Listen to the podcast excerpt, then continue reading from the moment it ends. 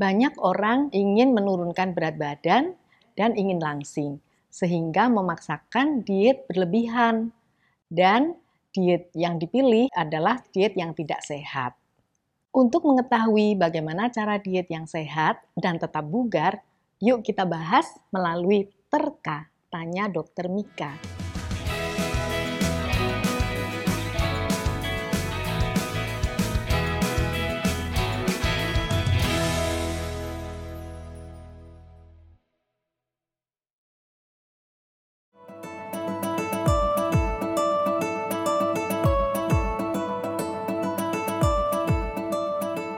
Hai sahabat Mika, salam sehat untuk kita semua. Saya Dr. Luciana Sutanto, spesialis gizi klinik di Mitra Keluarga Kemayoran. Sebelumnya, kami sudah membuka kolom pertanyaan di Instagram Story at Mitra Keluarga dan sudah terkumpul beberapa pertanyaan menarik yang akan saya jawab. Pertanyaan pertama datang dari Fiska. Bagaimana cara diet sehat supaya tetap konsisten dan tidak bolong-bolong? Diet sehat yaitu makan tiga kali sehari dan selingan di antara makan. Setiap kali makan terdiri dari makanan pokok, lauk pauk, sayur, dan buah. Diet sehat harus mengonsumsi jenis makanan bervariasi. Dengan jadwal makan teratur, dan jenis yang berganti-ganti pasti tidak bosan, sehingga akan konsisten dan sehat untuk tubuh. Nah, pertanyaan kedua datang dari Zawaza. Apakah diet sehat itu bisa dilakukan dengan berpuasa? Diet sehat harus makan teratur. Hal ini juga sesuai dengan fisiologi tubuh kita, yaitu lambung kita kosong 3 jam setelah makan dan kadar gula darah turun 2 jam setelah makan. Selanjutnya ada pertanyaan dari Sabel. Tips sehat bagi yang punya mak bagaimana tanpa mengurangi jumlah makan per hari?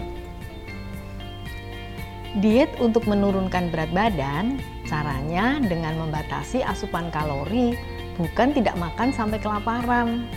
Dengan makan teratur tiga kali sehari dan selingan 2 sampai 3 kali, justru keluhan mah akan berkurang.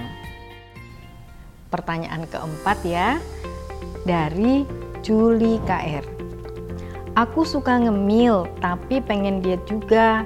Kira-kira ada rekomendasi cemilan buat diet nggak ya?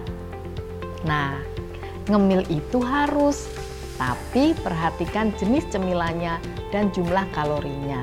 Jadi pilihan cemilan sebenarnya banyak, hanya perhatikan kalori yang dikonsumsi sebaiknya sih sekitar 150 sampai 200 kalori saja. Pertanyaan terakhir dari Rika Jenong. Apakah benar produk pengganti makanan, suplemen diet dan lainnya tidak berguna? Pengganti makanan akan bermanfaat jika diperhitungkan di dalam rencana makan. Dapat dimanfaatkan untuk mengganti makan atau selingan, tergantung jumlah kalori dan kandungannya. Agar berhasil menjalankan diet, misalnya diet untuk menurunkan berat badan, harus diimbangi aktivitas fisik yang baik, olahraga, dan cukup tidur. Nah, kita sudah di akhir video nih. Semoga penjelasan dari saya dapat membantu sahabat Mika ya.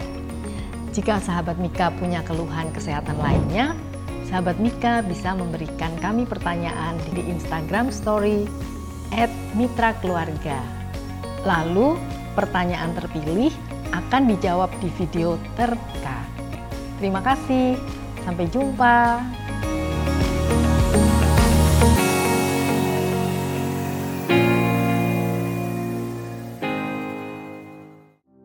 Mitra Keluarga, Life, Love, Laughter.